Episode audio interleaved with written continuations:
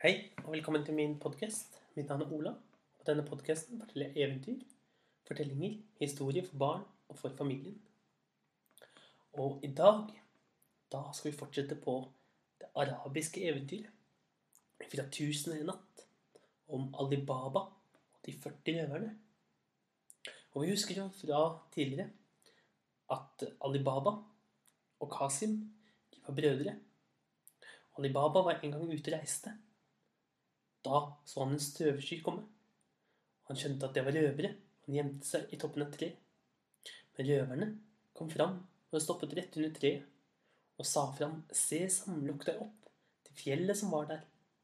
Og hele fjellet åpnet seg og skjulte en hemmelig grotte hvor tyvene, hvor røverne, hadde gjemt eh, skatter, gull og sølv i flere århundrer. Alibaba tok med seg en sekk, to sekker med gull og red tilbake igjen til byen.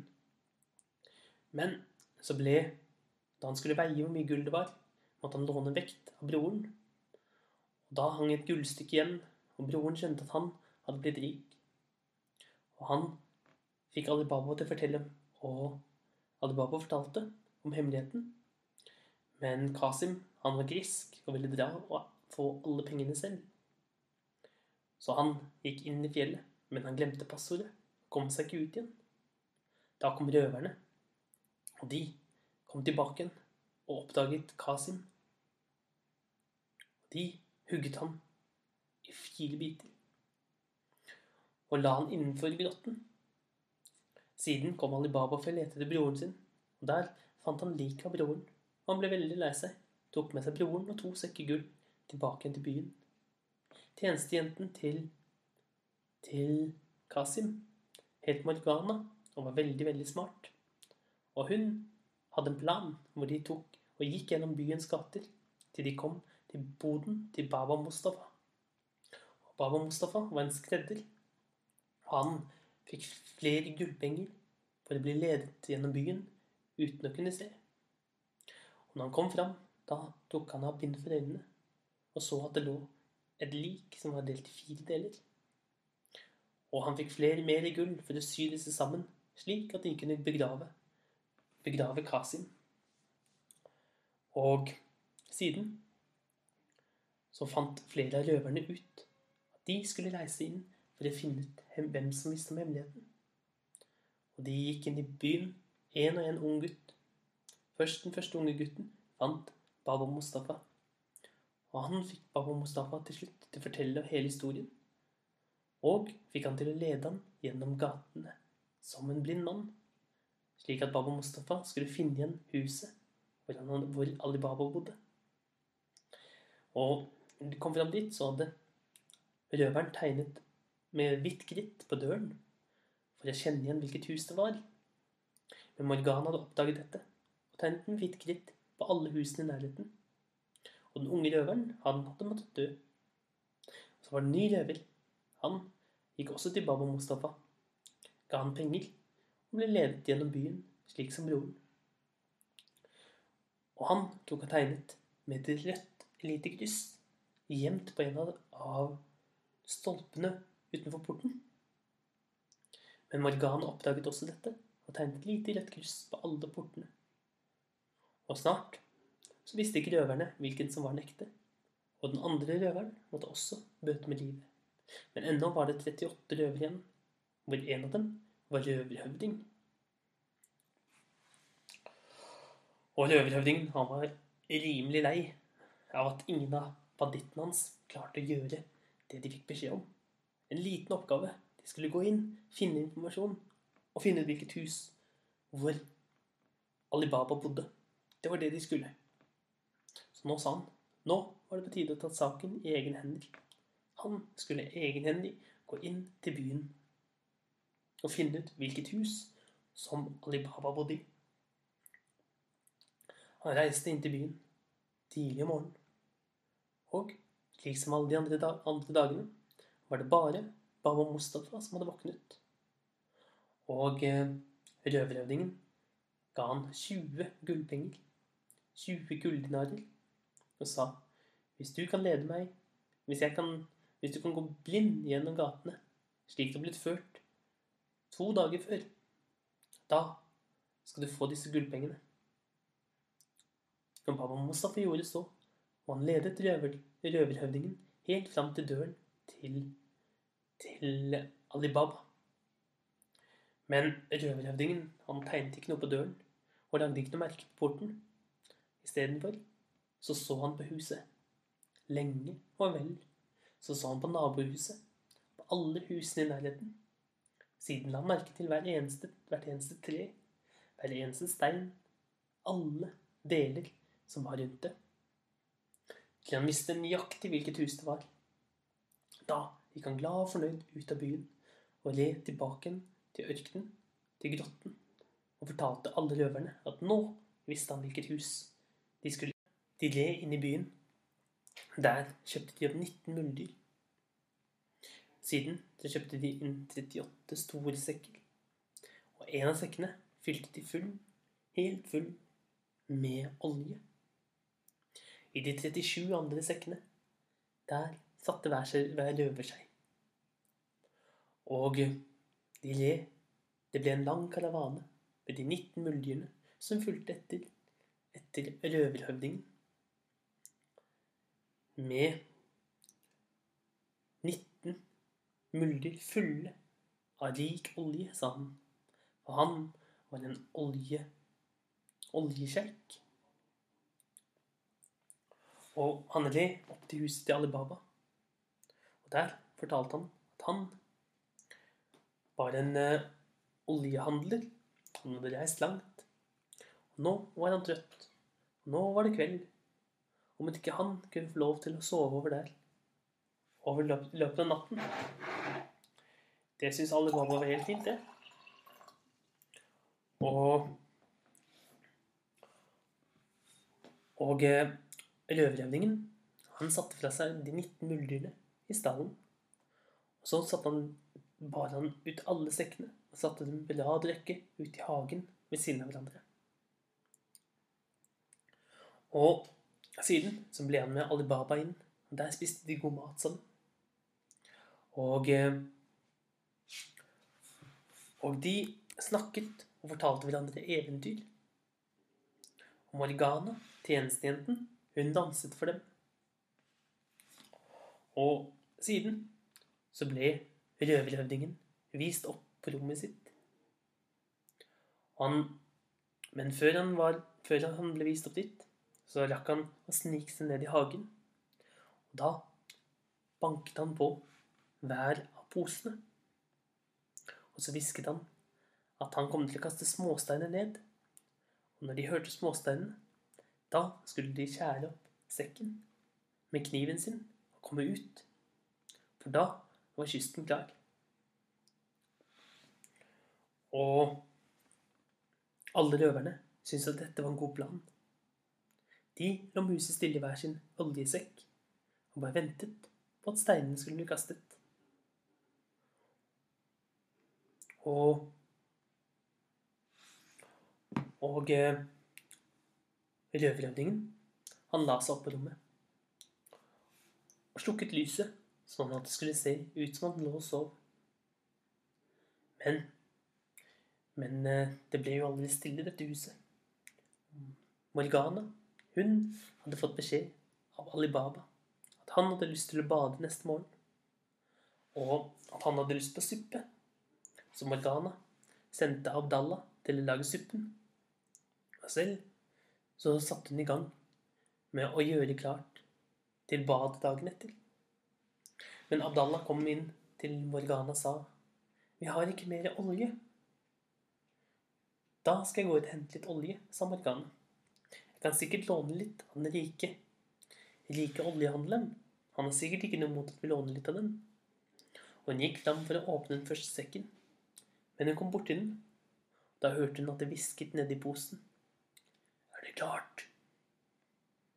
Og Morgana tenkte fort. Så sa hun den, med en stemme så dyp og så lik som røverhøvdingen som hun kunne. Ikke ennå. Siden gikk hun bort til den andre sekken. Og der tok hun og ristet litt på den. og nedi så hørte hun hviskingen fra en ny røver. Er det klart? Ikke ennå. Slik fortsatte Morgana å gå fra sekk til sekk til hun hadde gått gjennom alle sekkene og fant ut at det var 37 røvere i sekkene. Men i den siste posen, der fant hun masse olje. Og Morgana hun tok med seg all oljen og satte det oppi en stor kasserolle og begynte å koke det. Og siden så tok hun, når oljen hadde kokt, tok hun med seg en stor mengde med olje og slapp oppi hver av sekkene, slik at røverne døde. Og eh, så, når alle røverne var døde, da gikk hun inn og la seg. Og endelig ble det stille, tenkte røverhøvdingen. Endelig kunne han sette i gang planen sin. Nå skulle røverne vekkes. Og han tok fram noen småsteiner som han hadde lagt ved siden av sengen sin. Han kastet dem ut gjennom vinduet, ut på sekkene, og ventet på at røverne skulle sprette ut. Men ingen av røverne rørte seg.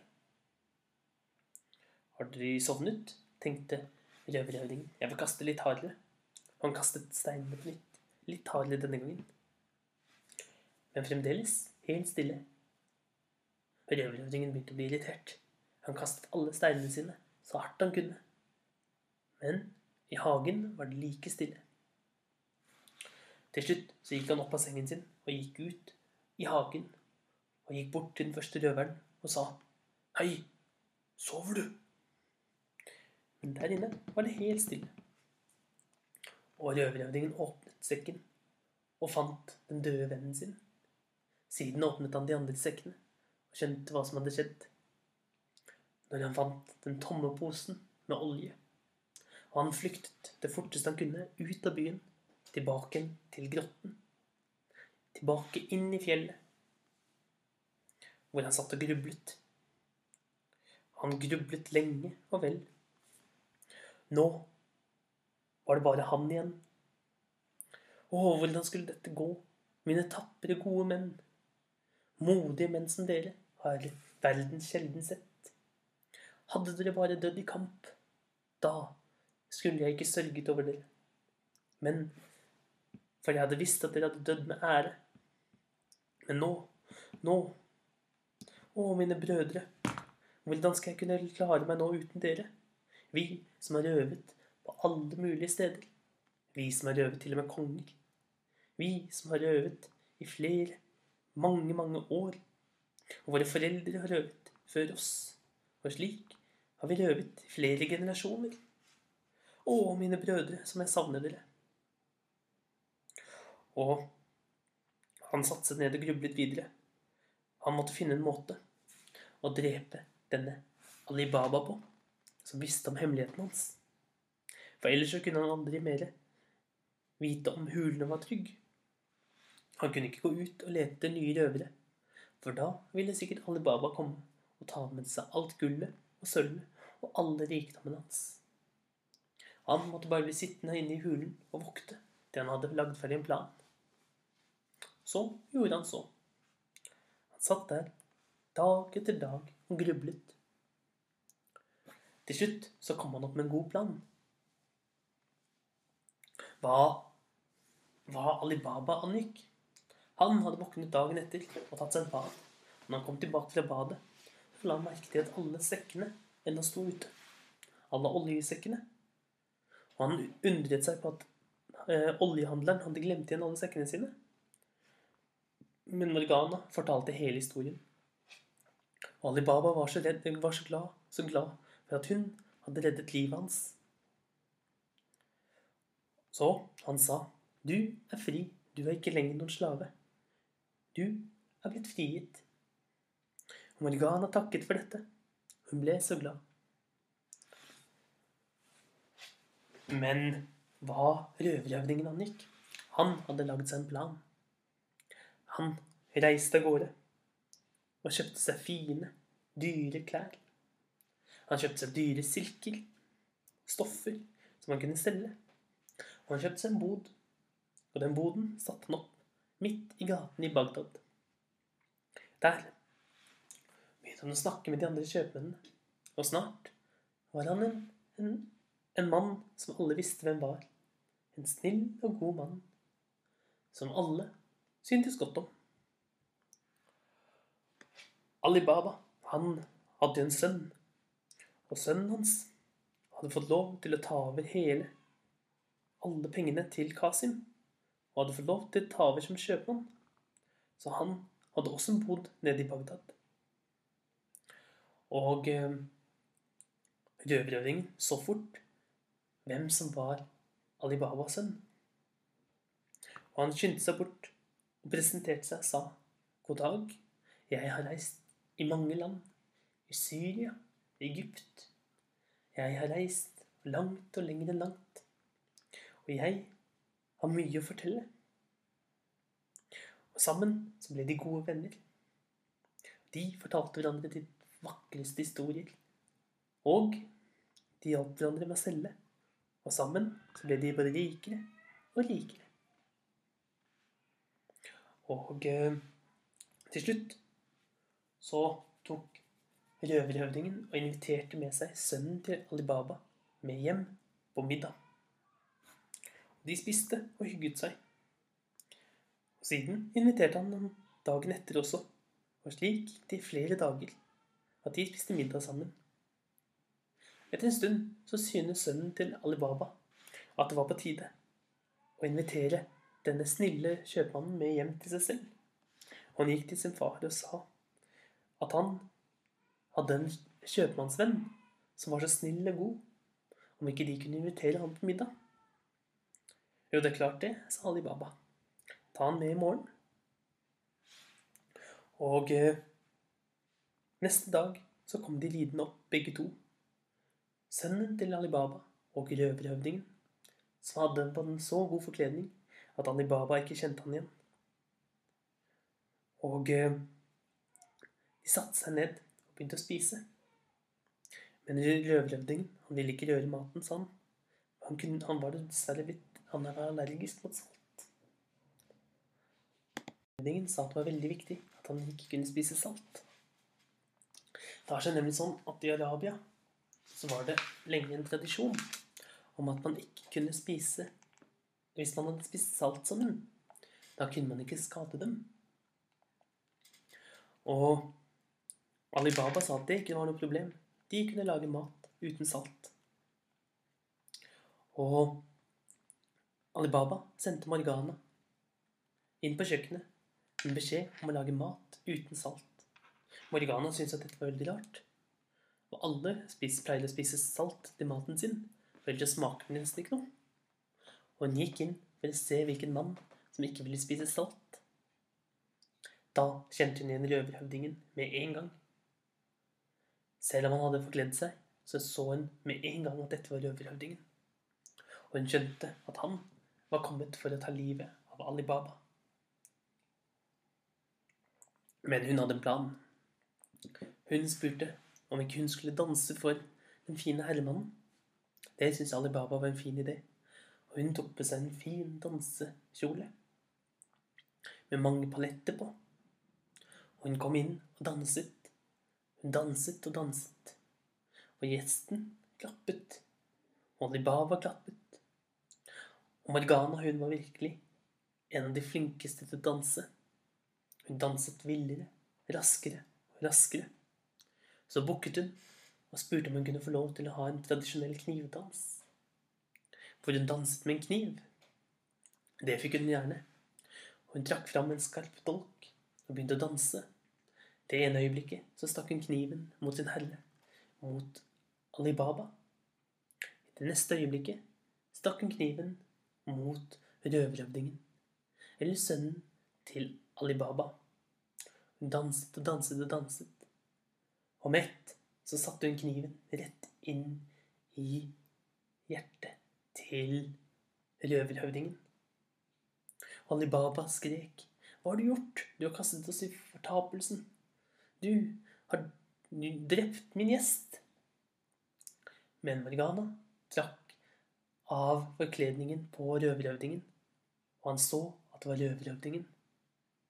Og Morgana fortalte hele, hele historien om at hun nok en gang hadde reddet Alibaba og hans hus. Og han ble så glad, han ble så glad, så glad. For nå kunne det ikke være flere røvere igjen. Men for sikkerhets skyld så reiste han ikke tilbake igjen til hulen på et helt år. Når et helt år hadde gått, så dro han inn i hulen og fant den full av spindelvev.